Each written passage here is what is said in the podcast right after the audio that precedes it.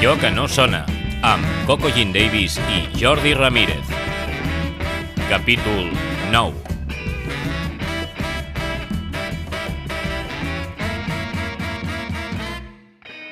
Salutacions a tots i a totes, us donem la benvinguda a Allò que no sona, un podcast dedicat a la indústria musical catalana i les persones que en formen part. El meu nom és Coco Jean Davis i al meu costat tinc el gran, gran plaer de tenir el meu company Jordi Ramírez. Com estem, Jordi? Doncs molt bé, Coco. Què tal, com estàs tu? Molt bé. Avui ha moltes ganes de conèixer aquest personatge que tenim aquí uh, a la nostra presència, en Josep Maria Dutren. Sí, el Josep Maria Dutren, amb qui fa molts anys que ens coneixem. Estic molt content que vingui perquè no, no, no les tenia totes, de que em digués que sí, i tampoc sé si ell les tenia totes de dir, de dir que sí. No, sí. però ja, ja, ja se sap que ja tinc una fama de, de, de rebutjar-ho tot i no acceptar res, però com veieu és tot mentida. Perfecte. Benvingut. Gràcies. El Josep Maria és actualment director del Festival de Música Antiga dels Pirineus, ara ja fa una dècada quasi, diria, no sé si més, i a més a més té una extensa trajectòria prèvia eh, en entitats com l'ICEC, l'Auditori de Barcelona o l'Oficina de Difusió d'Espectacles de la Generalitat, entre d'altres. I l'Espai. Eh, I la- i l'Espai. Entre, entre d'altres, sí, sí, Sí, sí. sí. Ara, ens, ara ens faràs repàs del que ens deixem. Eh, benvingut i un altre cop moltes gràcies per ser aquí. Bueno, anem una mica al principi. Mirant el teu currículum, eh, ens, ha, bueno, ens has enviat la teva carrera professional dins el món de la cultura o almenys me la de la demanar, música. eh? Exacte. pues com, començant el No, jo soc tan despreocupat que jo 1991. No, no, soc tan despreocupat que no tinc ni currículums fet ni res. L'he hagut de fer expressament Home, per vosaltres. Déu-n'hi-do, Déu-n'hi-do el No, currículum. l'he hagut de fer expressament per vosaltres perquè volíeu un currículum per poder preparar l'entrevista i llavors l'he hagut d'improvisar. pues fantàstic. Eh, 1991. Centre Ressons amb el Ramon Montaner. Sí. Ens expliques una mica com va començar eh, aquest càrrec? Com arribes a aquest càrrec? Doncs, eh, de fet, és la meva entrada en el món de la cultura, perquè jo em dedicava a altres coses. És per pur atzar i és, això és la, diguem la causa que jo ara estigui on estic, aquí fent l'entrevista o llegint el festival que estic dirigint, no? El, a veure, ens, ens hem de situar el, amb la mort del general Franco, del dictador, Uh -huh. tot un fenomen que hi havia a Catalunya d'una gran importància, que era la nova cançó, Uh -huh. que tenia una gran connotació política, més enllà de les qualitats artístiques dels, del, en fi, de, de tots els cantants, i això es va notar eh, o es va, eh, en el moment que acaba la dictadura, comença ja la transició, etc etc, mm. que hi ha una davallada enorme de, del món de la cançó. Mm? Perden actuacions, es deixen... Clar, tota aquella connotació política de protesta que tenia desapareix Sí. i per tant en principi també a priori desapareix el públic o desapareix l'interès per aquest fenomen. No? El grup de cantants eh, que en aquella època eren, bueno, són els mateixos, eh, Raimon, Lluís Llach, etc. Sí. Eh, i tota la resta van arribar a considerar que la seva davallada no era per raons, diguem sociològiques, uh -huh. sinó per una manca d'atenció del govern de la Generalitat a un sector cultural important. Ah, mira. I ells consideraven que si eh, l'administració doncs, no facilitava circuits, espais estables per, per actuar, etc., doncs eh, cada vegada hi hauria menys demanda perquè la demanda es crea, no? I especialment tenien una queixa eh, sobre el paper que TV3 eh, jugava en favor de- d'ells, de, De- de, la, de de- la música, perquè ells mira. consideraven que no hi actuaven, que TV3 no es dedicava als musicals, etc. Que curiós. I van organitzar una tancada en el Palau Marc, que era les, a la Rambla, que era de Barcelona, que era la uh -huh. seu del Departament de Cultura, van organitzar una tancada i el senyor Raimon i el senyor Lluís Llach i Joan Isaac i Marina Rossell i Maria del Mar Monet i tots els que venien darrere Sí. es van estar uns quants dies dormint en sacs al hall del, Està documentat, això, ja. del Palau Marc. Sí, sí, això és, el que passa que, que És tots sou molt joves i no ho Clar. recordeu. Això, No. això era l'any 90 i etc. I aquesta A tancada... l'any 90.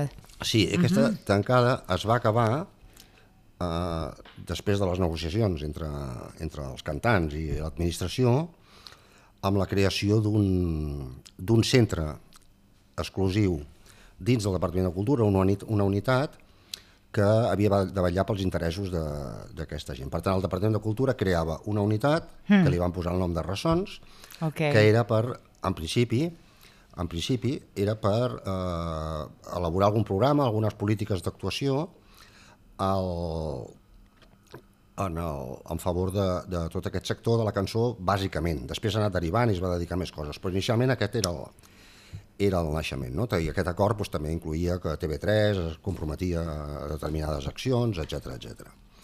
I així van fer. Llavors, a la direcció d'aquest centre mm. hi van posar un dels que estaven tancats, que Ahà. era el Ramon Montaner, eh, mort fa poques setmanes. Eh? Ah, Sí. mira. Sí, Ramon sí, Montaner, sí. que era un dels cantautors d'aquella època que, que vivia aquesta, aquesta davallada. No?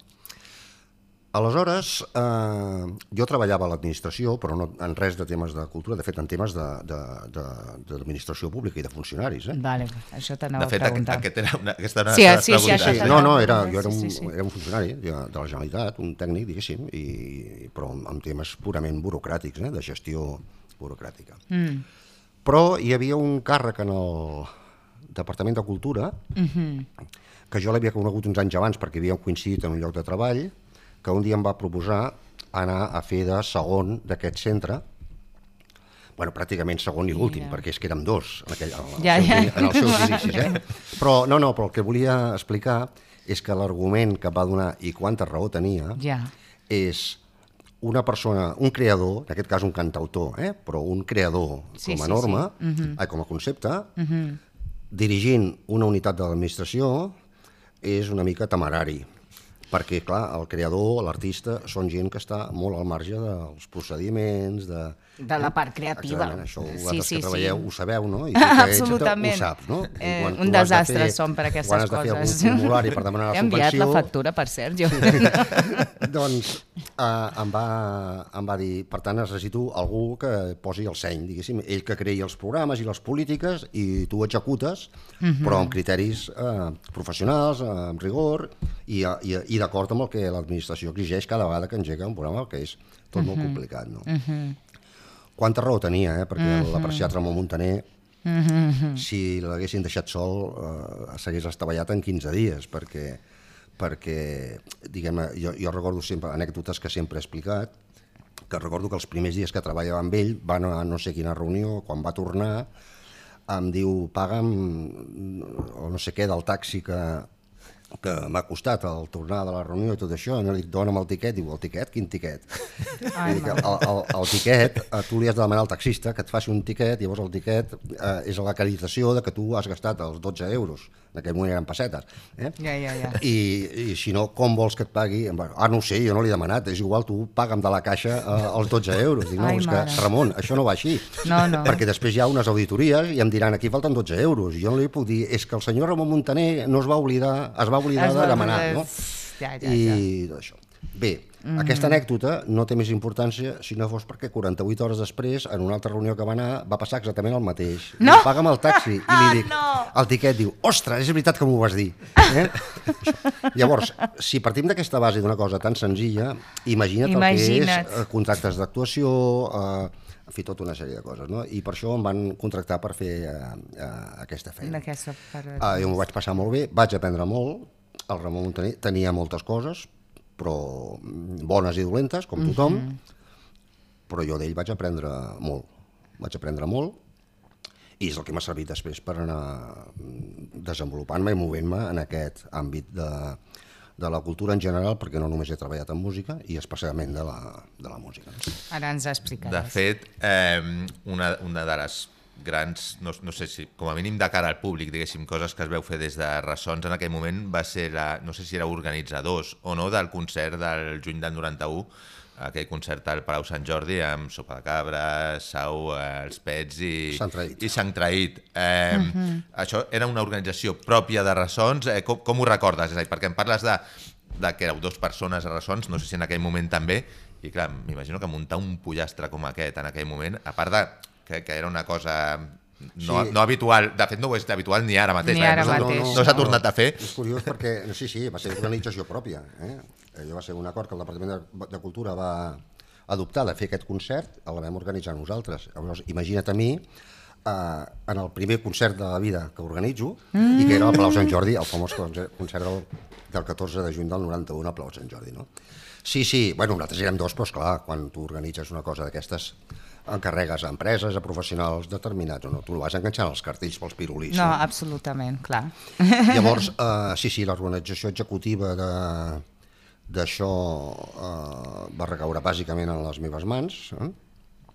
i recordo, clar, va ser un fet històric aquell, des del punt de vista musical i pel que, pel que va suposar per l'evolució de la música del país, pel rècord europeu que es va aconseguir de concert indoor en aquell, mm. en aquell concert, 19.204 persones. 19.000, però què Sí, estem dient, sí, sí, sí, i dic 19.204 perquè perquè les entrades es van exaurir de seguida Uau. i, i aleshores eh, negociant amb el Palau Sant Jordi perquè el límit estava, eh, bueno, perquè estava exaurit i no podíem ampliar més per raons de capacitat, vam aconseguir d'una banda del, de, la, de Seguretat Ciutadana que crec que en aquell moment se n'ocupaven els bombers, una petita ampliació per poder posar més gent, sense... I van venir a, els bombers a, a medir les sortides, quan feia, no sé què, ens van deixar posar no sé quantes persones més, i després, en un moment quan llogues aquests espais, eh, el, que, el, el propietari de l'espai, això et passa al Palau Sant Jordi, et passa al Liceu, et passa al Palau de la Música, et passa a l'Auditori, et passa a totes les infraestructures, uh -huh. infraestructures d'aquest tipus, uh -huh. El propietari es reserva les, les llotges o uns espais per, per ells i pels seus compromisos. No? La llotja del Palau Sant Jordi tenia 204 butaques Uau. que és una zona marcada, amb unes butaques que llavors eren de color verd, ara no ho sé, Sí, sí, sí. i, i vista la situació, el propi Palau Sant Jordi ens va dir cedim les 204 places que per contracte ens corresponen a nosaltres, eh, també perquè podeu posar la venda o pels vostres compromisos, a canvi simplement que els compromisos del Palau Sant Jordi doncs, els, els acollíssim. No? Uh -huh. I per això recordo el 204. I aquests números, l'ampliació de, que els bombers ens van permetre i després eh, les 204 places de la llotja eh, ens van fer que en aquell moment eh, fos el concert amb més gent que s'havia fet en un espai tancat, indoor, eh, a Europa. I no vam anar al Guinness perquè el Guinness ha de ser mundial, però va ser el, rècord. No? Mm, Ara que expliques tot això, eh, eh, clar, entenc que tot això, van, aquest concert s'organitza també en base una mica...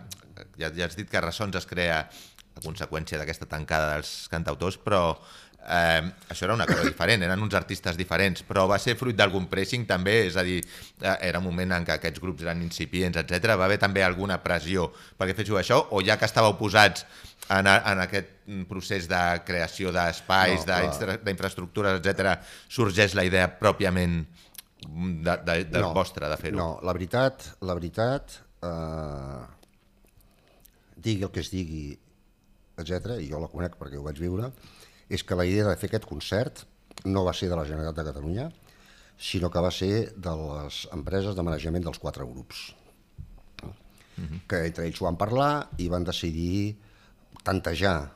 És a dir, el fenomen del rock català, l'any als anys eh, final dels 80, eh, final dels 80, sobretot a partir del 90, era un fenomen que era molt extern a la ciutat de Barcelona. Eh? Els Pets eren de Constantí, els Centraït eren de Girona, el Sopa eren de, de Girona, el, el Sau eren de- d'Osona, eh?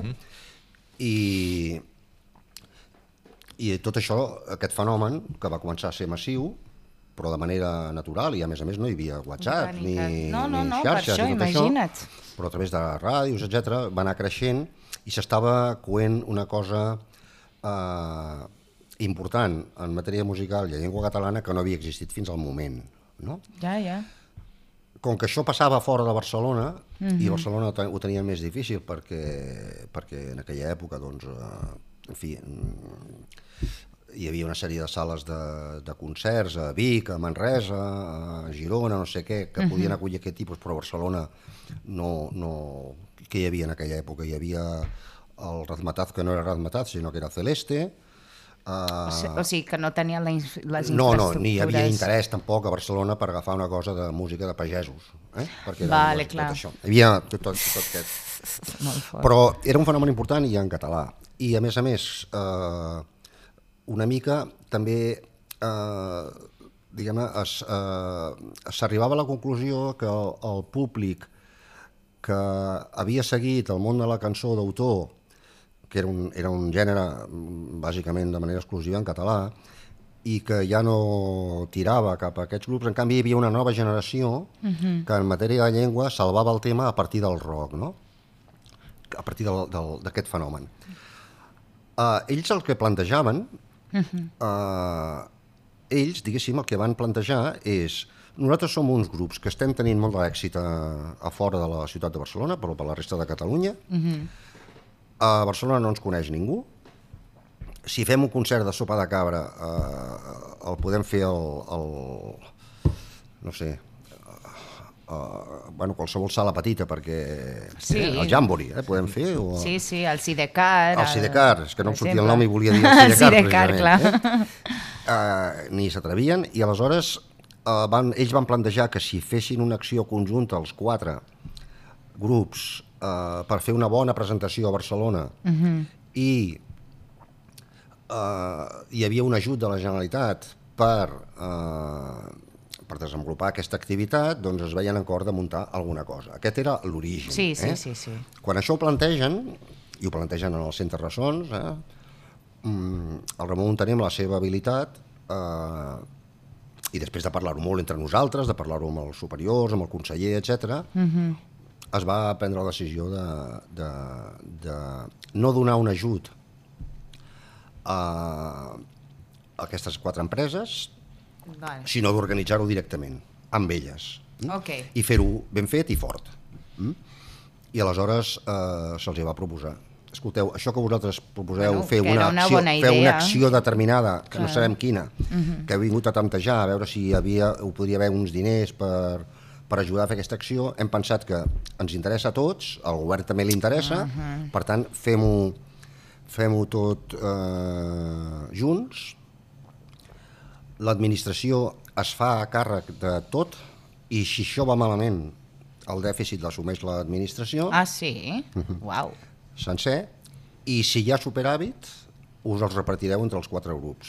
Aquesta va ser l'oferta que se'ls va fer. Bueno. Perquè això vam pensar, si va molt bé i, i al final es generen més diners que el que costa, no, això no ho fem perquè hi hagi un benefici econòmic per l'administració, sinó No, no, no, eh, clar. es reparteix.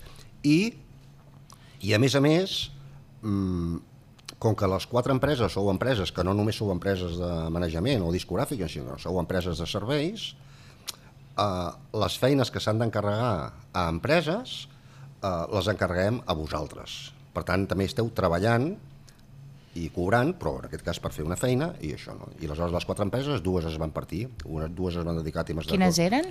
Uh, Te'n eren el- pick-up per, per Sau, eren Dismedi per, Ah, mira.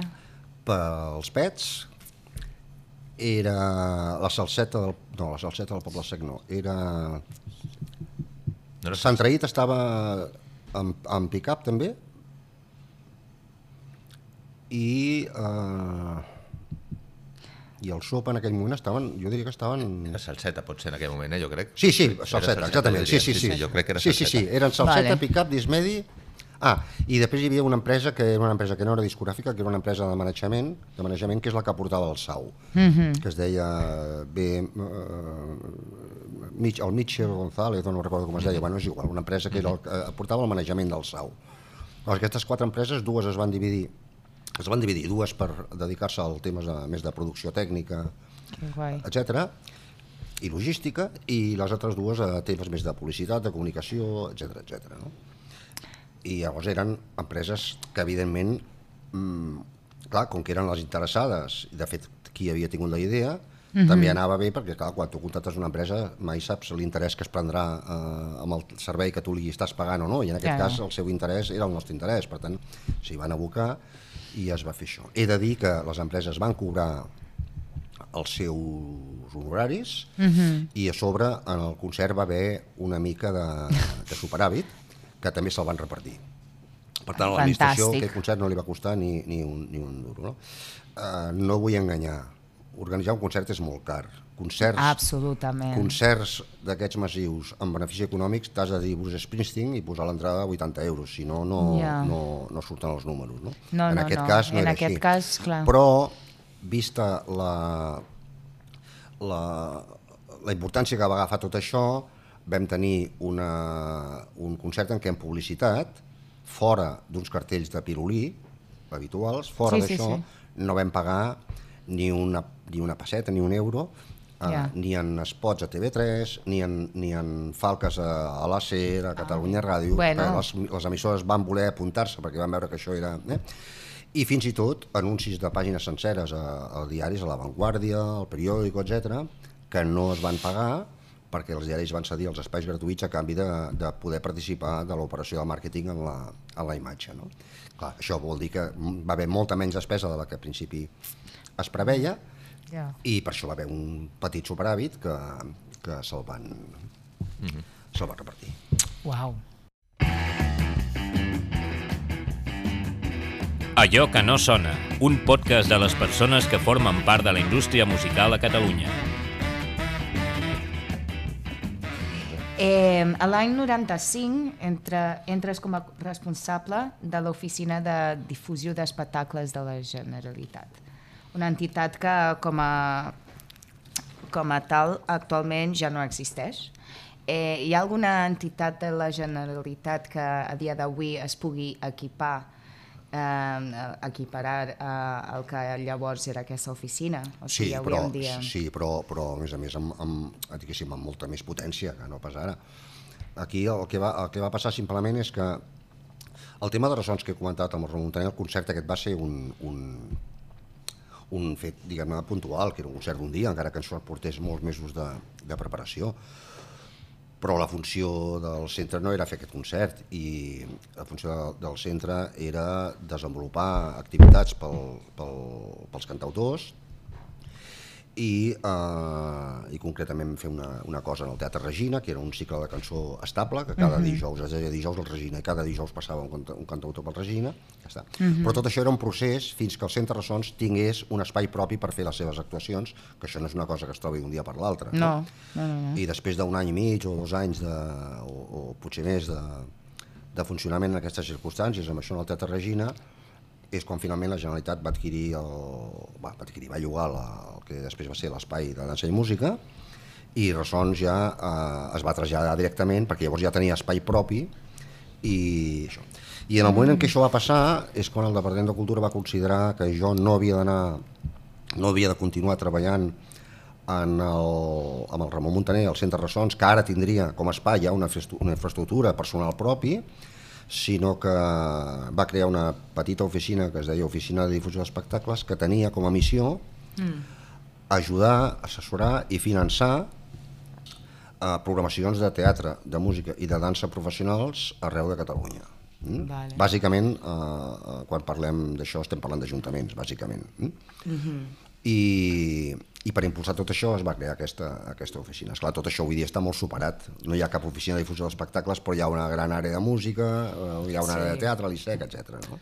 Sí, però eh, llavors, en aquest moment que es crea això, de fet ens has explicat ja una mica una, la següent pregunta, que eren els objectius que hi havia en aquell moment, eh, però eh, parlem dels objectius, però quins mitjans us posen en aquell moment? Perquè clar, treuen de ressons, et diuen, et posarem, has dit, una oficina petita, per començar ja has dit petita, és a dir, que no sé els mitjans, és molt ambiciós dir que hem de crear un, un circuit estable de, no has dit només música, música, teatre i dansa, però amb quins mitjans, i també eh, quines directrius hi havia, és a dir, al final estem parlant d'una cosa en el que entenc que a, a tu t'atorguen el càrrec, però ja eh, depens del Departament de Cultura o de qui fos en aquell moment, que us donen una, una pota, o no, o teníeu una certa llibertat per s'ha de crear aquesta oficina, com ho faries tu? Ara, que, venint de l'experiència que vens de, de ressons, la bona experiència que havíeu tingut fins llavors. Bé, el que, el, que, el que el Departament de Cultura diu en aquell moment és hi ha una mancança d'actuacions dels nostres artistes, siguin de teatre, siguin de música, siguin de dansa,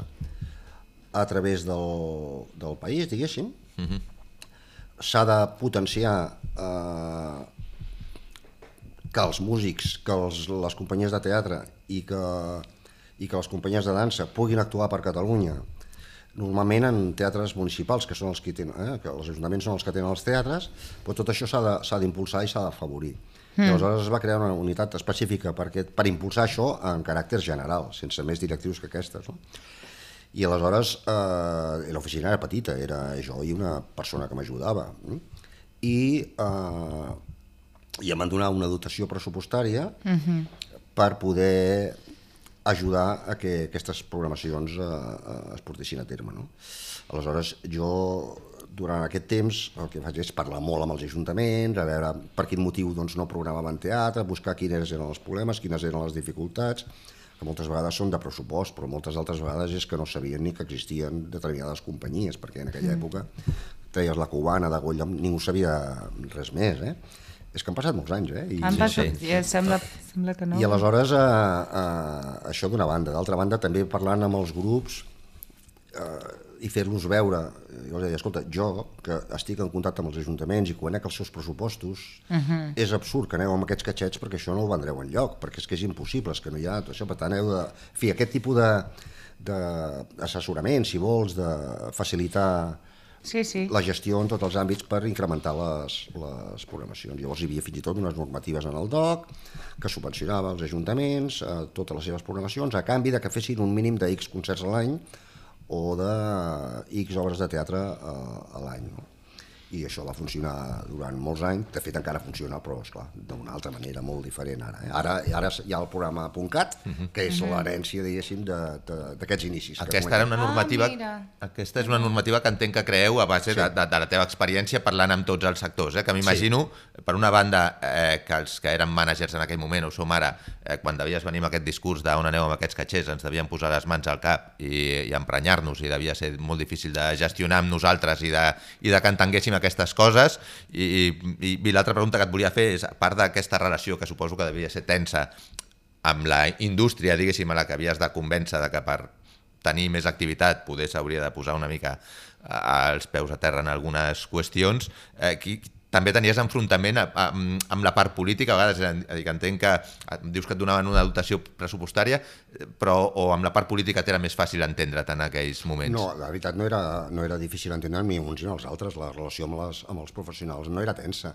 Quan jo he dit això ho he dit gràficament... No, no jo, ho dic per, jo ho dic per mi, eh? per, per, perquè tinc aquesta memòria de sempre que, que hi havia aquestes coses. Clar, jo penso, jo penso, dius que ha passat molt temps, però tinc aquest, aquest record de eh, com, que hem de curar menys, com si ja comencem, si una reunió sí, comencem amb... Ja, ah, no, heu de, heu de, de demanar menys, ja no, comencem jo, malament, no? No, a veure, però jo no, jo no, és a dir, jo no demanava els grups que cobressin menys. Jo simplement eh, estava... Ho estic exagerant. Ho estic exagerant. Estava en, en contacte permanent amb la demanda, que és el comprador, que són els teatres municipals, i amb l'oferta, que són els grups de teatre, els grups de música i, la, i, la, i les companyies de dansa, d'acord? Uh mhm. -huh. Tu parles amb els dos i veus uns t'expliquen per què no actuen, per què no els compren, i els altres eh, t'expliquen per què no volen o no poden comprar. Mm?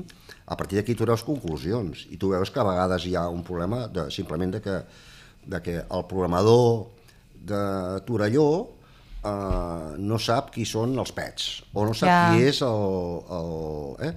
Per tant, eh, què hem de fer? Hem d'aconseguir que el programa de Torelló, de Torelló vagi al mercat de Vic a veure les ofertes que hi ha en el país. Eh? Mm. Eh? Eh, en teatre teníem la Fira de Teatre de Tàrrega, que tenim encara, eh? sí. que és on es presentaven les companyies. Bueno, doncs potser, potser el que hem de fer és forçar o, o ajudar o estimular que els tècnics municipals eh, els permetin, des dels seus ajuntaments, sortir i passar tres dies a la Fira de Teatre de Tàrrega per veure bones ofertes per comprar-les. Home, no? és molt important. Si resulta que el tècnic de l'Ajuntament de no sé què, et diu és que a mi eh, no em deixen sortir del, de l'oficina perquè els polítics no saben que per comprar una obra de teatre s'ha d'anar a la Fira de Tàrrega a veure-ho, doncs potser nosaltres havíem de parlar amb l'alcalde i fer-li veure la conveniència. Era en aquest sentit, okay. no?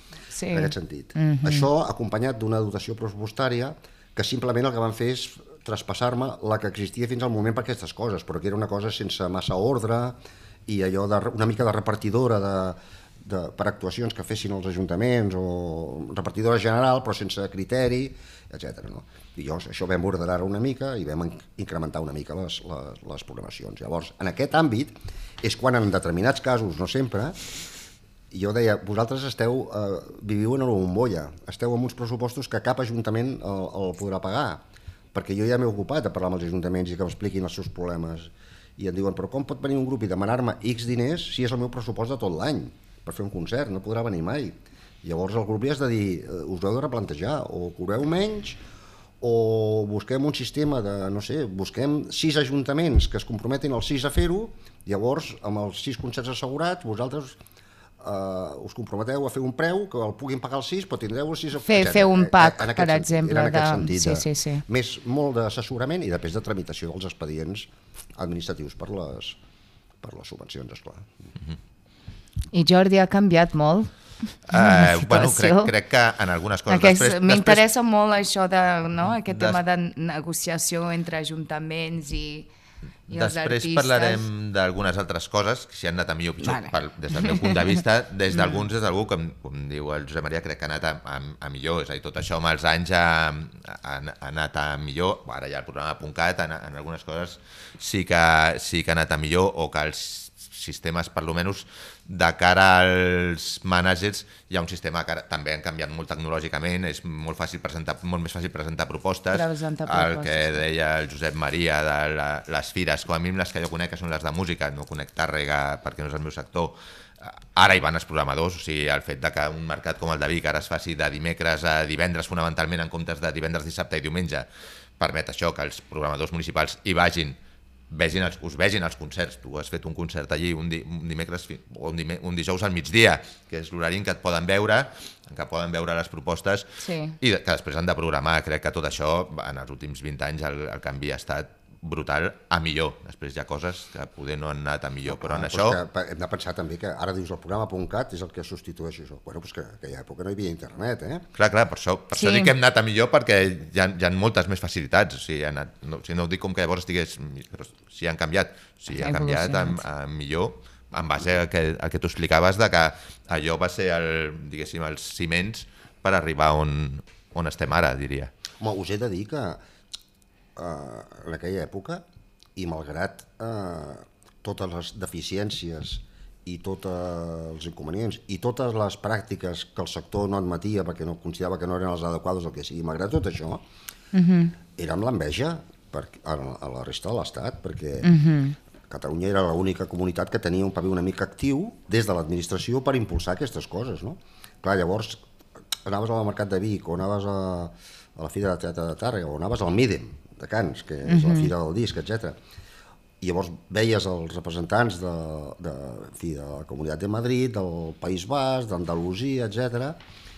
I ells al·lucinaven amb, amb que, amb que l'administració de la Generalitat tingués gent dedicada, primer l'espai, que era ja, Ja. un espai propi per fer un concert. Fantàstic. No? Després, una unitat que intentava que ajudar els grups, els grups que actuessin i els ajuntaments a que compressin els grups. No? Tot això per, això, per ells era... era... Uau. Ara sí, ara tots tenen els circuitos de les diputacions i de les- aquestes coses, però en aquella època No- eren, no és res d'això. era l'enveja pura.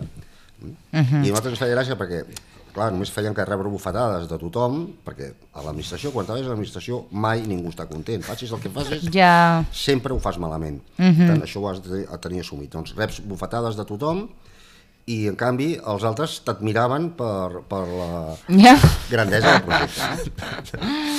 Als anys 90 també vas organitzar diverses activitats de difusió de la cultura catalana a l'exterior, en països com Tunèsia, Tunísia, Canadà eh, o Portugal, dins de l'Expo de Lisboa.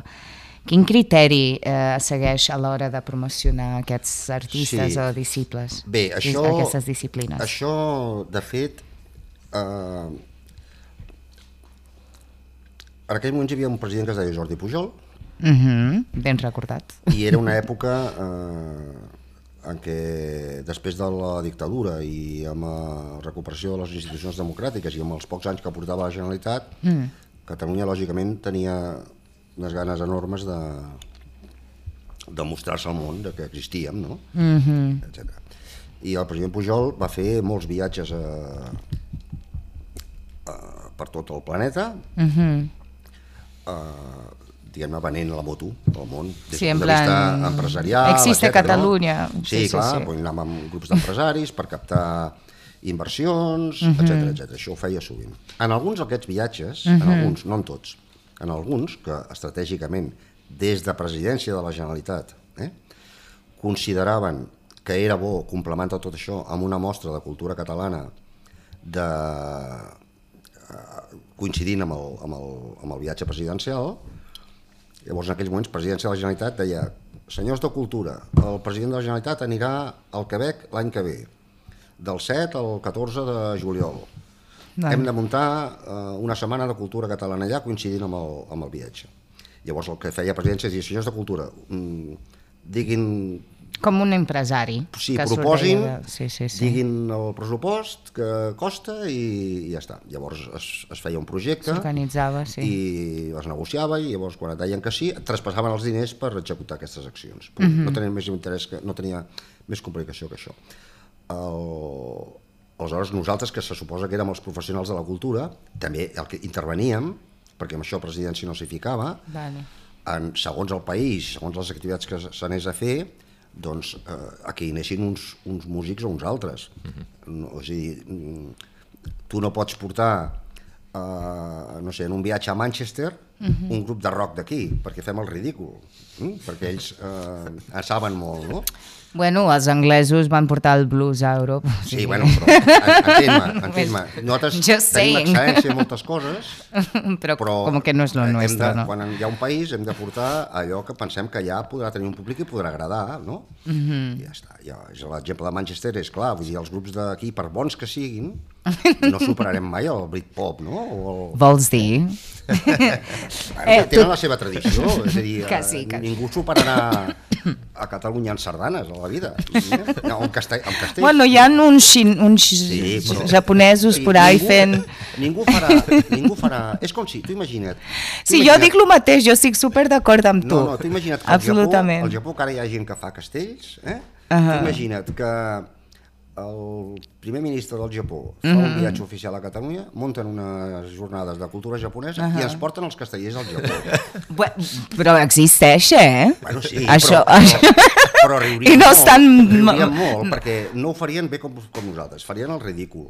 No ens aporta Els res. japonesos no són res, molt jap- No ens aporta res, perquè nosaltres ho sabem fer molt millor. Per tant, els que ens han, ens han de portar són, és, és anime, no? Vull dir, eh, còmic o que sigui, que en saben més que nosaltres. Llavors, en aquest sentit, has d'anar adequant. I sí que quan es feien aquestes activitats, en funció dels països, jo vaig concretament eh, ocupar-me'n de la de Tunísia, la del Quebec i a la de l'Expo de Lisboa del 98. el, en cada cas eh, has de buscar allò que creus que podrà ser útil per, bueno, per la causa, diguéssim, no? per, per vendre la, la cultura. No? I, I, de fet, era nosaltres, al Departament de Cultura, qui, qui fèiem les propostes. Després, la presidència ho presentàvem, però sempre ens deien, ens deien que sí. Mm. I llavors, d'aquí surt que, que en aquestes activitats, no sé, la, a, a Tunísia vam portar el, la Maria del Mar Monet, que va actuar amb un ensemble de, Tunís, que, de Tunísia que, que havien treballat junts eh, i, i això ho feia molt més atractiu per ells i vam portar l'Esbar d'ensaire de Rubí perquè no sé per quin motiu calia una cosa de, més de folklore. No? Al Quebec el Quebec va ser molt potent. Al Quebec fins i tot vam fer un cicle de cinema. Vaig fer un cicle de cinema Oh, amb sis pel·lícules. De, Uau. Un cicle de cinema que hi havia pel·lícules d'Antoni Ribes, hi havia pel·lícules del... del bé, ara no recordo els noms. Tot ja això dins un festival mateix Una- una setmana de- Una setmana de... Vale. Però al Quebec, doncs clar, quan tu muntes una cosa d'aquest tipus també t'has d'aliar amb els agents d'allà perquè si Sí. tu vas i ho muntes tu i llogues un espai pot ser que no et vingui ningú tu no saps els mecanismes mm -hmm, que s'han de fer allà per fer la publicitat no? Sí, sí, sí. Eh, i jo recordo per muntar la setmana de cinema en català, bueno, la setmana, eren quatre dies, eren, eren, eren sis pel·lícules que es passaven dues vegades cada pel·lícula en grups de dos i eren quatre o cinc dies. Doncs vas haver de parlar amb la filmoteca d'allà, explicar-ho, convèncer-los, ells, eh, doncs, si ho troben interessant, doncs eh, et poses d'acord, però llavors ja saps que la filmoteca eh, t'organitza, no? Vam portar una exposició potent, que hi havia obres de, de Tàpies, de, Marí, de, de Miró, de Dalí, Uau. eh, que estan en diversos museus d'aquí i aleshores tu has de tenir allà algun museu que te la vulgui acollir, perquè si no tens un museu que te la vol acollir i tu t'has de buscar una sala i eh, portar les obres que no sé ni com es pengen, jo no, no hi entenc amb obres d'art, no, no? Doncs això, no? al moment que tens un, un museu, que el, el vaig aconseguir, que, que es mostra interessat pel... ja estàs tranquil perquè és el seu interès. I a més a més, sempre eh, amb l'estratègia bàsica de dir no ho pagarem tot, pagarem una bona part, però vosaltres heu d'arriscar diners, perquè si la gent Això no arrisca diners, clar, clar. no... No s'involucra. Clar, no s'involucra. Si, mm. si va malament no passa res, doncs ja està. No? Um, després d'aquesta oficina, eh, a principis del 2000, eh, crec que tornes a Ressons, comences com a director de Ressons, si no m'equivoco, a l'espai de dansa i música, eh, i en cinc anys que estàs allí, diria, crees el circuit català de sales, el circuit Ressons i el circuit Ressons Jazz.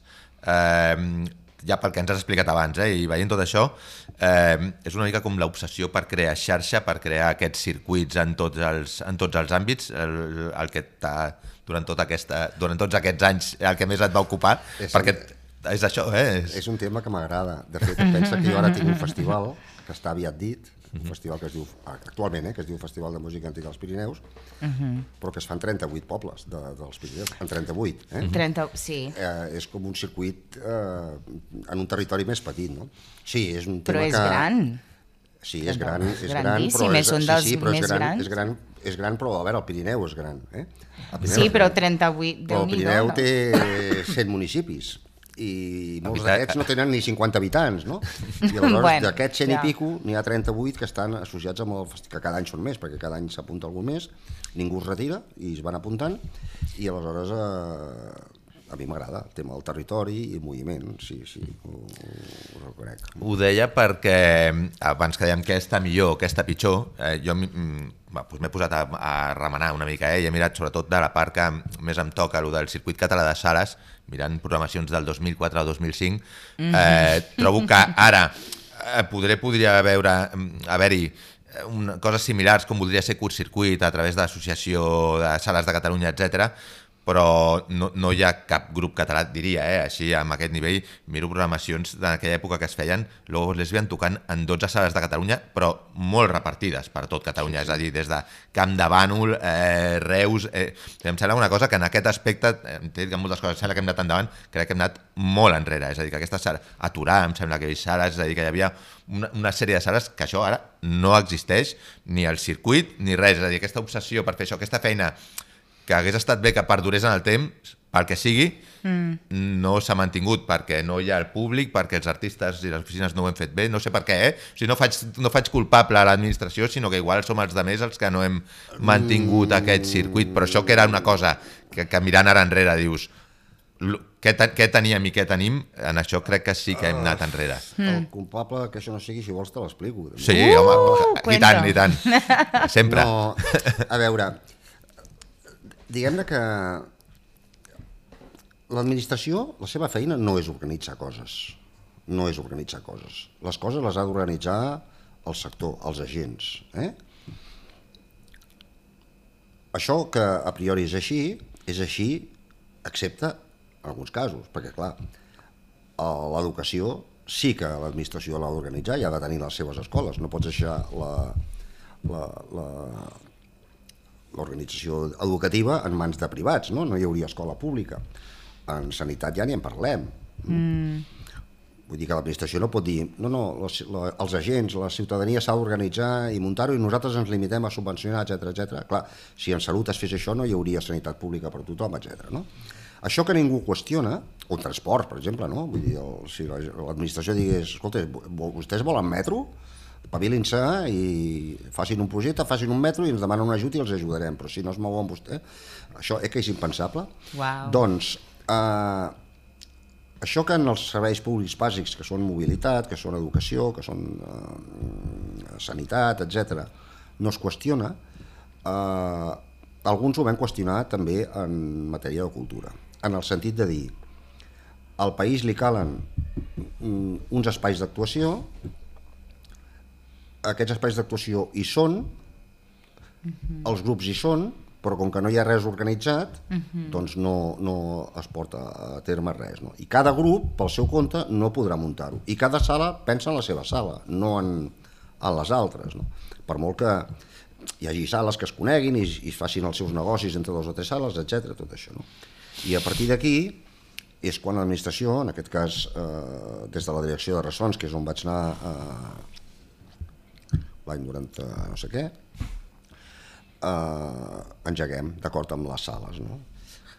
Què passa? Que cada sala no s'ha d'ocupar només, no s'ha d'ocupar només de la seva sala perquè l'organització general no l'ha d'assumir, ja l'assumeix la- l'administració, uh -huh. els ajuntaments eh, el mateix, i els grups mm, de fet no havien ni de buscar els bolos perquè el, que, el grup que sortia doncs, tenia les 12 sales assegurades prèviament nosaltres ens havíem reunit amb les 12 sales i les havíem incorporat en el projecte i les condicions mm. eren mm. tindreu uns grups, heu de pagar una part l'altra part la pagarà l'administració però els grups s'han de fer mm, els decidireu vosaltres, entre tots vosaltres eh? Les sales decidien els grups però el grup que surt l'ha de fer tothom és a dir, no pot ser que una sala digui ah, no, aquest no el vull No perquè, clar, llavors vale. hi hauria grups que farien 12 concerts, els altres 7 no, era un, No, era no, un era un pacte, paquet, llavors sí. agafàvem un grup i cada, em sembla que era cada dos mesos eh, un grup o dos eh, circulaven per les 12 sales. Llavors amb això hi havia una certa estabilitat. El que necessita el món aquest, especialment de la música en viu, és estabilitat. El públic se'l crea. El públic se'l crea. Si no hi ha oferta, no hi haurà demanda. Mm? Si no hi ha oferta, no hi haurà demanda. Mm. I, per tant, eh, hem d'anar acostumant a la gent que anar a un... Bueno, crear que, que, aquesta credibilitat, Ah, no? exactament. Credibilitat. Té, això és el que fem i crea una tradició i una... una, no? una... Clar, aleshores, aquest Eh. paper de l'administració més actiu, que no es limita a dir vostè tingui idees, porti-les i, i els subvencionarem, mm? uh, jo crec que l'administració l'ha de tenir amb coses com aquestes, en el que si no intervé no, no, no, no, no sorgiran mai. Mm? No sorgiran mai. I el culpable és que aquests circuits, aquests circuits es fan d'acord amb els agents. En vam fer de tres tipus. Mm? Vam començar amb el, amb el de sales, jo crec que va ser el primer, que era pensat per sales privades de pop-rock, Salamandra, etc. Mm. Després eh, en vam fer un que era més vinculat a, a, bueno, a concerts que no eren pop-rock, diguéssim, mm? però mm. cançó d'autor, jazz, eh, eh, flamenco, eh, Folk, sí. folk music, tot això, mm -hmm. que això es feia bàsicament amb, amb teatres municipals. Aquí la diferència era que en lloc d'agafar les sales que elles decidien, en els teatres municipals, com que són molts i això era impossible fer assemblees, eh, bueno, després d'anar parlant, a partir dels comentaris que anava fent cada un, jo mateix feia unes propostes musicals, i aquí el que sí que dèiem és farem eh, un mínim de 8 o 10 eh, en cada gira, però s'hi pot apuntar a l'Ajuntament que vulgui. Aquí sí que permetíem que un Ajuntament digués, ah, doncs jo vull aquest. Mm -hmm. eh? A- a- amb un mínim assegurat, no? Ja està. I després va néixer el circuit de son jazz quan resulta que, que els de jazz es queixaven perquè en els de pop-rock no podien entrar i, i eh, en l'altre eh, les Es- propostes de jazz no triomfaven perquè no era un, un, un sector o un, una oferta majoritària llavors vam crear un circuit específic per la molta gent de jazz que hi havia en aquell, i que encara hi ha Que encara hi ha. que encara hi ha, tant. i, i pensat a més a més amb, bàsicament aquest era mix també per ajuntaments i teatres però bàsicament amb, amb clubs de jazz amb sales de jazz de les, també que hi ha a la Cava de Vic etc tot aquest tipus de, de, de sales no? I Sí, sí, aquest. sí. Aleshores això funcionava i estaven funcionant la, els tres circuits uh -huh. juntament amb la programació de l'espai i tot això era Ressons, que era la unitat que jo dirigia, no? Vale. Però llavors l'any 2000 eh, 6 l'any l'any- l'any 2005 2005-2006 hi ha eleccions eh, per primera vegada Convergència deixa d'estar al govern a Catalunya i entra el que se'n va dir el primer tripartit i es troba mm. amb això i el tripartit això No, no li anava.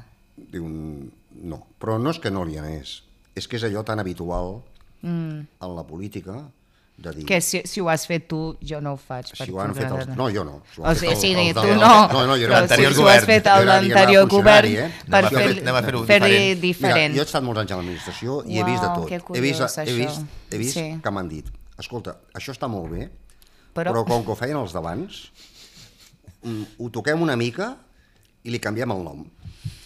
Ja. perquè no sigui dit que estem reconeixent que... Eh?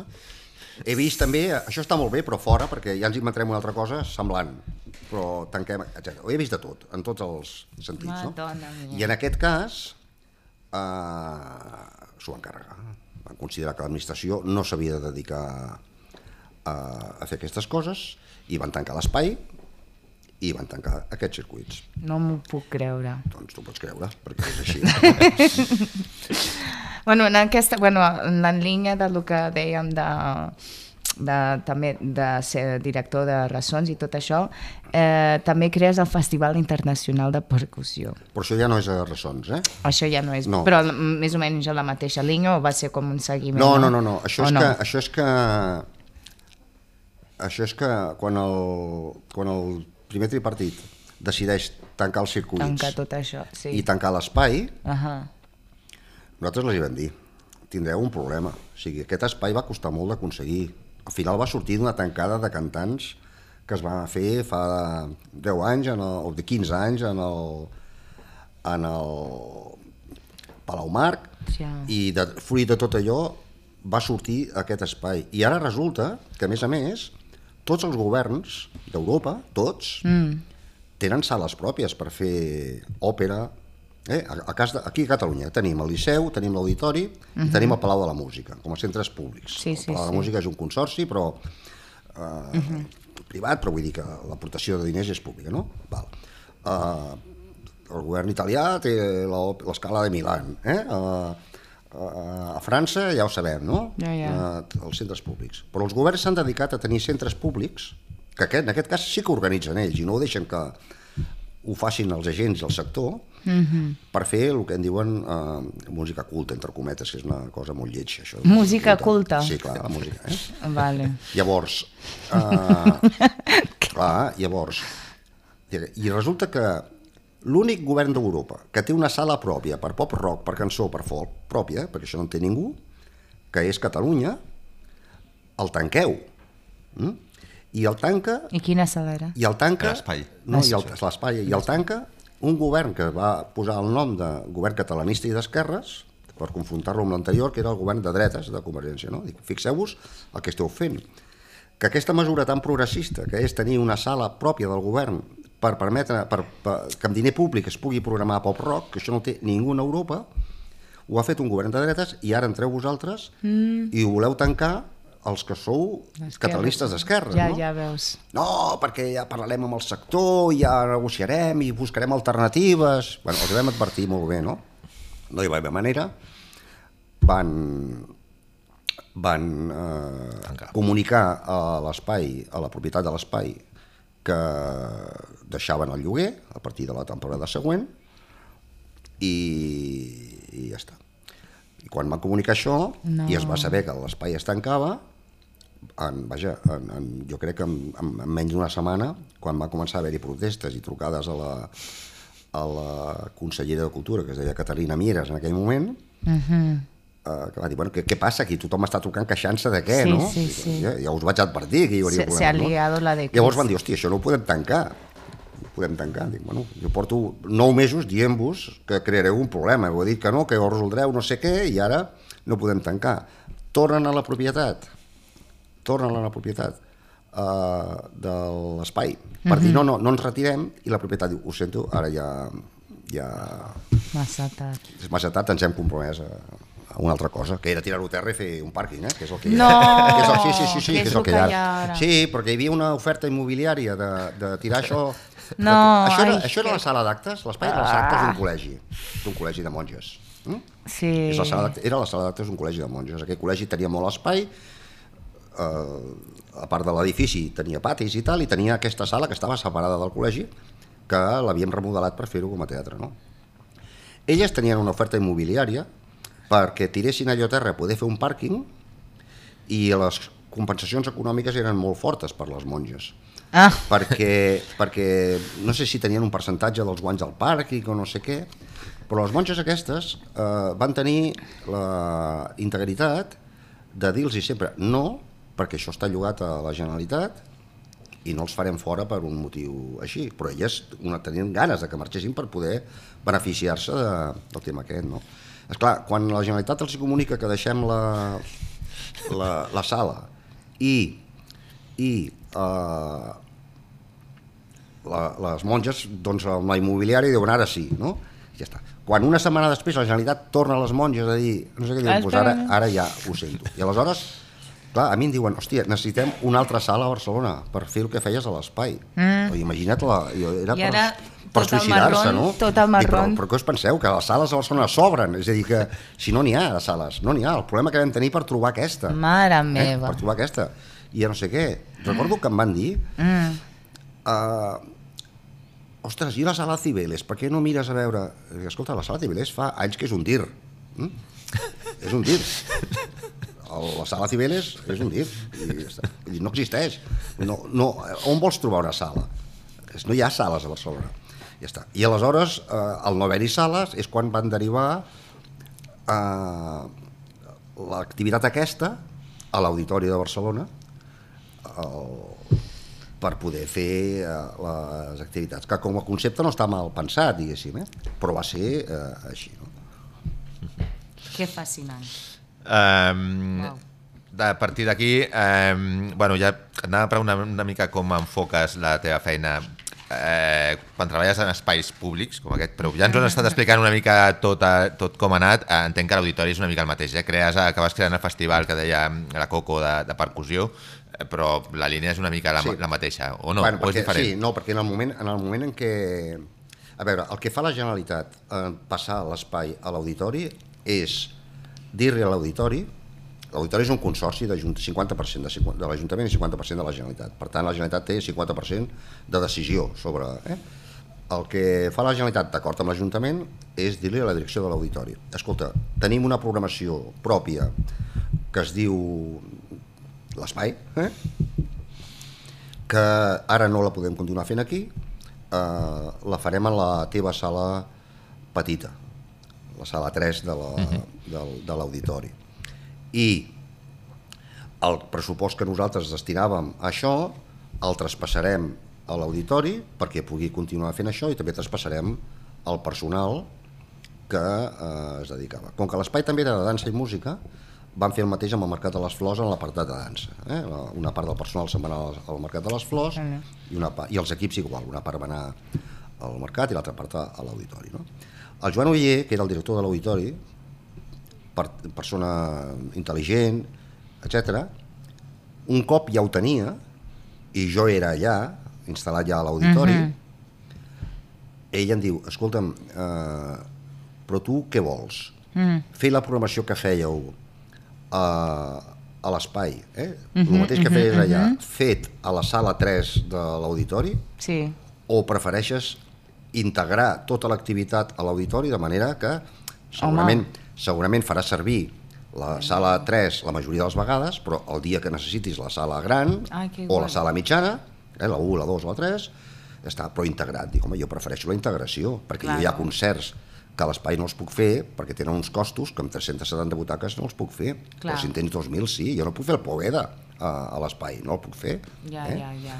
i, i aleshores eh, eh, el, jo decideix, ell, és ell que em dona l'oportunitat de tot això. No? Llavors s'integra l'estructura i ja. Però a més a més, a més a més, parlant amb les converses de com enfoquem tot això, jo tinc la idea de crear el festival de percussió, que li proposo amb el director, li agrada molt, i, i llavors creem, és a dir, per tant teníem una programació estable, permanent, ara amb tres sales, eh? I que vam inaugurar en la sala petita, que és la primera que vam fer servir, amb Antònia Font, precisament, i, eh, i bueno, llavors tenim, tenim eh, aquesta programació estable amb qualsevol de les tres sales de manera permanent i tenim una activitat puntual que durant el mes de febrer de cada any doncs, farem un festival de percussió perquè jo pensava que, que, que era important eh, poder promoure una sèrie de coses, llavors acabaven de néixer el grup Coetus i aquest tipus de gent que, que, que estava doncs, eh, fent coses de molta qualitat i que necessitava una sortida i em va semblar que, que era una, una idea. I el Joan Oller em va dir, jo tinc comprovat per experiència professional que una de les maneres més fàcils per la gent no melòmana d'entrar a la música és a través de la percussió. Mm? Estic d'acord.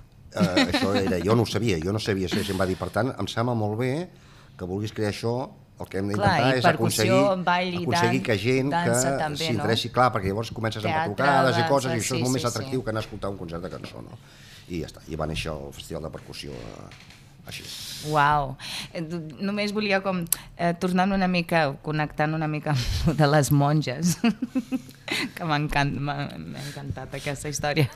Però no, eh, és, és sapigut que tu tens una... Bueno, que també organitzes concerts a les esglésies. Quina és la teva relació amb la església, la música dins d'una església? Uh, Perquè, no? Quina és la meva T'agrada? Eh, quina és la Quina teva és la meva relació? experiència? Home, jo, jo, jo, soc, jo crec que sóc un bon ateu. I, per tant, no, no, no, ara, en el Festival de Música Antiga, eh, clar, la música antiga, la majoria, no tota, eh, però la gran part és música religiosa, no? Mm -hmm. Vivaldi era capellà, eh? Absolutament. I, per tant, aquestes músiques, mm, fetes en els espais naturals pels quals s'havien tocat, és on s'han de fer. Això no, no requereix cap vinculació amb l'Església ni amb la institució, el que requereix és tenir paciència per, per eh, tractar amb els seus responsables en uns edificis, molts d'ells immatriculats, mm? Que estan en el paquet No aquest... tenen de- llicència per fer l'activitat, no tenen llicència per fer concerts. no, immatriculats, ho dic per la, No tenen per la, llicència de tema de de la concerts. conferència episcopal que ha reconegut que ja, bueno, ja sabeu a partir de la llei Aznar que això, això. I aleshores el món de l'Església és un món que no és fàcil de, de tractar mm? però bueno, amb, amb, amb, diguéssim, amb perseverança eh, hi ha de tot, eh? és a dir, hi ha tot hi ha mossens que et demanen les lletres de les peces, dic, però escolti, quines lletres vols? Si, estem, si farem la passió segons Sant Mateu de Handel. Ja, eh? ja, ja, Que, qui, quines que, quin problema vol que tingui la lletra, eh? No.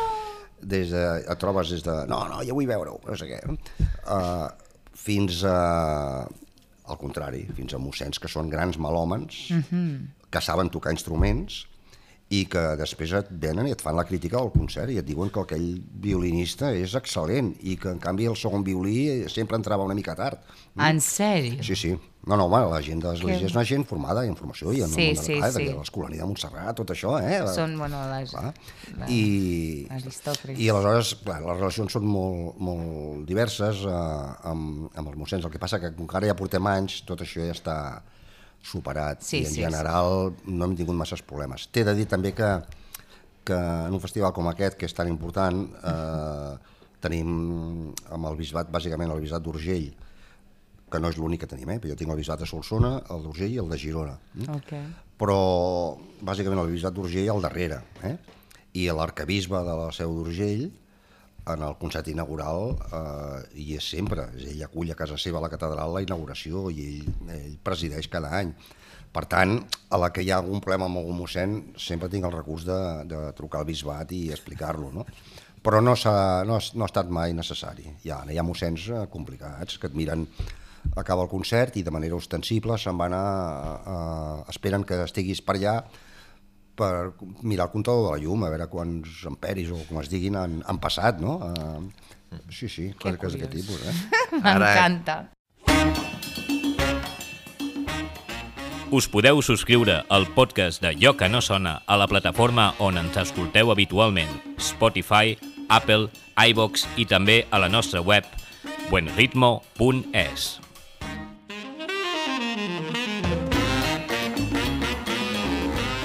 començat a parlar ja del, de la teva tasca actual, ens hem saltat una mica la part en la que estaves a l'ICEC, si després tenim temps i tornem, però com que estem en aquesta part tan, tan interessant en què ja ens has explicat la, la complicació o no, pel que ens diu de, de fer un festival en un territori tan extens com el, Pirine, com el Pirineu. No, no, I- complicació sí, eh? Eh, bueno, o no, no, Ara, no ho sé. No, no, complicació sí, deixa'm, no, deixa'm matisar. El, el, jo tinc un problema, que és que les coses fàcils m'avorreixen.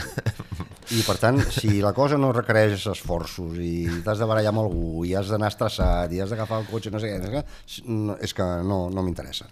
I, Doncs les complicacions de fer un festival en un territori tan gran, amb tants municipis amb tan poca població en molts d'aquests municipis, etc. Eh, jo l'altre dia t'escoltava en una altra xerrada que vaig veure online, xerrada de debat, eh, parlant de les diferències que hi havia doncs això, en un festival en el que ens expliques tot això, amb la majoria d'altres festivals que es fan a Catalunya que tenen aquesta tendència al revés, a concentrar-se en pocs dies, en espais molt grans, molta gent, etc. I, I parlaves una mica d'una de, de, de les coses que esteu fent, eh, que és aquesta d'oferir eh, una mica més coses a part del concert en si, una mica una idea d'oferir packs com turístics, com que vagi al concert amb una visita guiada o amb una estada en un hotel alhora. Aquesta és una idea, com, com sorgeix aquesta idea? És una idea que sorgeix per vendre més entrades? És la necessitat de veure què ens inventem per les complicacions aquestes que deies? No, no, va, va, va associat amb la, amb la idea. És a dir, a veure, el Pirineu Mm, nosaltres que coneixem del Pirineu és que hi ha un patrimoni romànic fantàstic, la Vall de Boí, eh, Taüll, etc, o que hi ha uns llacs fantàstics que es pot anar a esquiar, etc. Però el Pirineu és molt més que això. I en aquests moments, eh, en aquests moments, vull dir, actualment, en, el, en, el, en les últimes dècades, el Pirineu ha, ha perdut eh, la seva tradició mm, agrícola i ramadera, mm i s'ha convertit en una zona bàsicament de, de serveis tercer, del sector terciari. No? La seva temporada alta no és l'estiu, és l'hivern per les pistes d'esquí. És l'hivern per les pistes d'esquí. Eh? Els hotels al Pirineu són molt cars al, a l'hivern, però no tant a l'estiu. A l'estiu no tenen, no tenen sí, el 100% sí, sí, d'ocupació. Sí, sí, sí, sí. Fora d'Andorra, que és l'únic que se salva. Eh? Però Andorra ja se sap que no, no sabem per què, però sempre està ple de gent. Aleshores, eh, és una zona amb una població molt dispersa, uh mhm. -huh. molt dispersa, perquè en el Pirineu, el que se'n diu al Pirineu i Aran, viuen 75.000 persones. 75.000 persones, yes. dividits en uns 100 municipis. Wow. Mm? En moltíssims municipis de, de 30, de 40, de 15, de 60 habitants. Mm? Uh, i, uh, i, clar, i estan sofrint despoblació. No hi ha feina, no hi ha feina qualificada, la gent mhm. jove no té feina, ha de marxar i ha d'anar a les ciutats perquè allà... Eh, clar. Això. Uh. -huh. I cada cop més el Pirineu, si no s'hi posa solució, acabarà sent eh, un lloc de treballs precaris on els joves, si volen, treballaran als restaurants eh, en èpoques de turisme i no tindran ni contracte tot l'any perquè no, no hi ha jove per temporada, no? Setmana mm. Santa, mm -hmm. estiu, etc. no? el conflicte que hi ha amb el Joc dels Olímpics dels Pirineus, que no... Que la Estàs avançant territori... a totes les preguntes eh, que, que, que anàvem a fer. Ah, bueno, jo... No, t'ho dic, era per situar el que tu comentaves, no? El, què passa? Per què hi ha gent que eh, no vol, gent d'allà que no vol el, els jocs? Perquè el que veuen a venir és que hi haurà especulació, que es faran unes grans comunicacions, que el Pirineu les necessita, però no per anar a Barcelona, sinó per comunicar-se entre ells. Mm? Ah, uh, clar, clar, clar. Mira, sí, una sí. persona de, de jo què sé, sí, de Ripoll sí. i una persona de, de, de Trem, uh mhm. -huh. si es volen veure, acaben abans quedant a Barcelona que travessant que això. Mm? Perquè Curiós, tenim l'eix tenim l'eix eh, sí, sí, sí, sí. l'eix del Llobregat tenim, a fi, ja, i ara encara hi ha l'eix transversal que ajuda una mica, però per anar, per fer 40 quilòmetres de la Seu d'Urgell a Sort 40 quilòmetres o 45 estàs a una, una hora perquè has de travessar un port de muntanya la, mm. el Pirineu té totes les valls verticals, verticals mirant cap clar, als... Eh? Clar, clar, clar, llavors per anar d'una comarca a l'altra has de passar un port Mm? Uh -huh. I això és molta estona. Llavors no hi, ha, no hi ha ni comunicació ni entre ells, perquè és que és que amb el temps que de la Seu d'Urgell vas a Sort és que ja ets a, a, si no a Barcelona però ja ets a, a Igualada diguéssim mm? i, i esclar, la gent del Pirineu tem que es faran grans infraestructures pensades per la gent de Barcelona no per la gent d'allà i que es faran infraestructures que després no serviran per res i ells tenen unes altres necessitats ells volen inversions en serveis permanents, centres d'investigació... Home, un dia em deia un tio del Pirineu, em deia, tu pensa que si ara tu en aquests moments...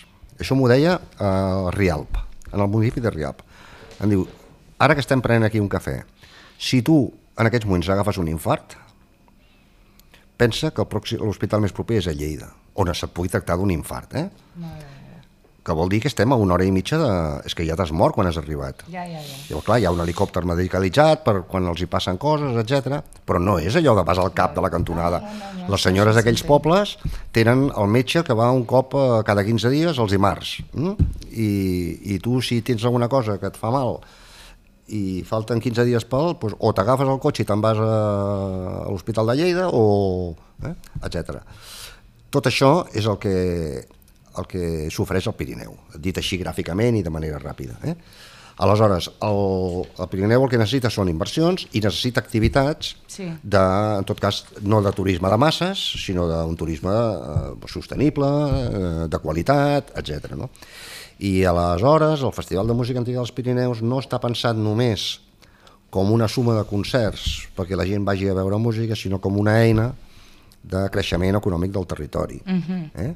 Que eh, on hem, hem de portar turistes, però no turistes en el sentit de, no de motxileros, sinó de, de, d'un turisme cultural que acostuma a tenir un cert poder adquisitiu per anar als restaurants i per etc etc. no? I d'aquí ve tota, tots els complements que es fan en el que són els concerts, que són aquestes activitats de, de complementàries, que són els packs turístics, etc. I més coses que, que farem en el futur. De fet, com que ja anem acabant ara, perquè sí, ens, estem, ens estem allargant molt avui, però jo ja ho sabia, que si venies tu ens allargaríem, que per això, per això volia que vinguessis. De fet, eh, igual ara faig la polèmica amb algú que crec que coneixes, el Francesc Viladiu, que va, va venir a parlar amb nosaltres la setmana passada, Sí. i parlant d'això, ella ens comentava, a vegades respecte al tema de subvencionar o de donar suport als festivals, etc tal, que no tenia clar eh, el fet de que totes les ajudes hagin de venir de, de Departament de Cultura i que poder per qüestions com aquestes, potser algunes ajudes aquestes haurien de venir de- d'altres departaments, com pot ser, en alguns casos, indústria o turisme, eh, etc. Eh, no sé com ho, com ho veus tu, veus igual tu que has estat de, precisament a les administracions a la part de cultura, ho veus igual, ho veus diferent, teniu suport d'altres no. administracions? Ho, ho, no sabia que ell havia fet aquesta, aquests comentaris, però jo estic completament d'acord. Jo tinc en aquests moments un festival, un festival que per raons de, òbvies, com el Liceu, com el Palau, eh, eh, diguéssim, mm, es basa bàsicament en finançament públic, si no, no, no es faria. No? El pas a l'administració s'ho pren com una inversió en el territori, eh? però eh, en vistes totes aquestes connotacions que comento, mm. jo he intentat amb, amb, amb l'Agència Catalana de Turisme, que a més a més té una unitat a dintre que es diu Marca Pirineus, etc i no hi ha manera. Mm. Per ells eh, el turisme és el turisme i això són activitats culturals això, i no, no hi ha manera. Però és, és cert que, que, que hauríem de, de que s'hauria de plantejar més com una inversió en serveis que no pas com una inversió en cultura. I les administracions, eh, o sigui, tu que ja has estat a dintre, no hi ha manera, eh? és a dir, no hi ha manera que el Departament de Cultura pugui anar a, a turisme o a qui correspongui i dir-li, no, no, no, escolta, és que- aquí ens hem de posar... No és que hi hagi manera, no? És que el Departament de Cultura això no ho farà mai, és el seu problema, que, que no, no. Directament, eh? no passarà. La- L'administració és una cosa que actua molt per inèrcia, molt per inèrcia, i no li treguis dels seus esquemes. I per això quan entra a l'administració algú que és una mica antisistema, entre cometes, eh? Ja, ja, ja. pues tens, eh, home, eh, jo vaig estar quatre anys com a responsable polític, eh, eh, que vol dir que llavors tens una certa capacitat de decisió. I, és clar tot el que és l'aparell, eh, l'aparell dels serveis jurídics, tot el que és l'aparell amb majúscules de, de l'administració, clar, eh, van estar molt contents quan me'n vaig anar, perquè ells, la seva feina és... Era- No, la seva feina és pensar ara que vinguin aquests, que donin les instruccions que vulguin, però d'aquí quatre anys n'hi haurà uns altres. I ells hi són sempre. I ells hi són sempre. Mm. I, i, I per tant, eh, Està com bé. si els que hi van no els hi toquen gaire els, el que no els sí, hem de sí, tocar, sí. doncs per ells millor. Per, per acabar, has acabat bastant amunt. Això, aquesta part d'aquesta part teva de la teva carrera, que no n'hem parlat quasi, ho la deixem per un altre dia, si tornes a animar, no sé si tu has passat bé. I, Ah, que ja s'ha en acabat, parlem. això? Sí, Eh, sí, jo tinc ja- només una última, només per, per ficar el llaç, Escolta, el, escolta, el 10 feu- aniversari. Feu un, un programa doble, eh? No? D'aquests, d'aquests, Bueno, sempre per seràs dos. benvingut. No venir que per tornar. i ara demana més. Eh, parlant del 10 aniversari. Del 10 Ah, aniversari. sí, no? Que acabes, acabeu de, de celebrar 10, ani, eh, 10 anys. Del, del de- festival? Del de- festival. sí. Ah, uh, no l'edició s'ha número 10. celebrat, oi? No, que no? l'edició La- l'edició número 10, perquè Exacte. l'any Ah, bueno, l'any 2020 edició. la vam haver de cancel·lar. Sí. I, I què, no se, se celebrarà o no? No, ja ha passat. Ja, Ja ha passat, però, preparant. bueno, no, per- per estem, temes de estem, Covid, D'aquí d'aquí 5 mesos comencem a l'11. No, no, no es torna a fer el 10, perquè 10 és un número important. No, no, no, no. No, a més a més, eh, tampoc té... Aquestes co- coses només serveixen a efectes de màrqueting, diguéssim, però no... Bé. és igual que el, el... No, a veure, jo no dic el dia que en fem 20 no fem alguna cosa, no sé, però en qualsevol cas el, el 10 eh, era la que ha vingut després de... La... El 10 era l'any 2020, Ja, ja, ja. que es va cancel·lar per la, per la pandèmia. Sí. El 2021 l'hem fet més reduït perquè hi ha hagut ajuntaments que no, s'han- no atrevit a entrar per si passés alguna cosa i a més a més teníem restriccions d'aforament, ha sigut l'edició més reduïda de totes. Ara el 2022 ho recuperem tot i augmentem. A dir, Ah, sí? el 2022 Molt estarem bé. molt per damunt del 2000... De, perdó, del 19. De- del 19. Del 19 Fantàstic. Però el 21, el 2020 no va haver-hi res. El 21 va ser inferior al 19 per raons de pandèmia.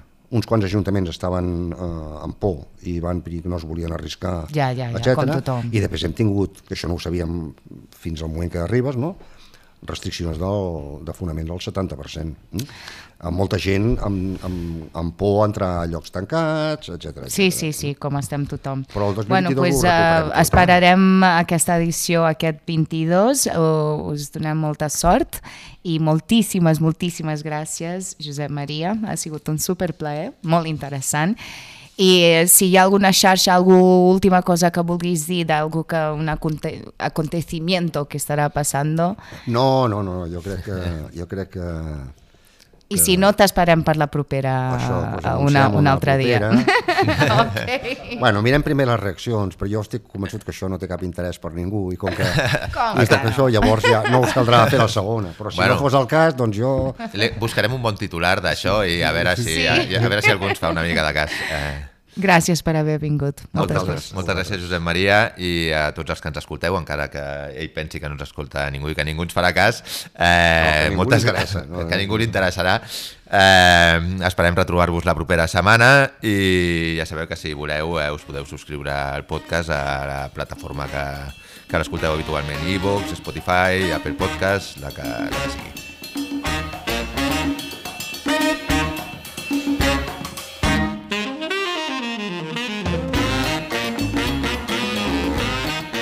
Un podcast realitzat amb el suport de l'Institut Català de les Empreses Culturals.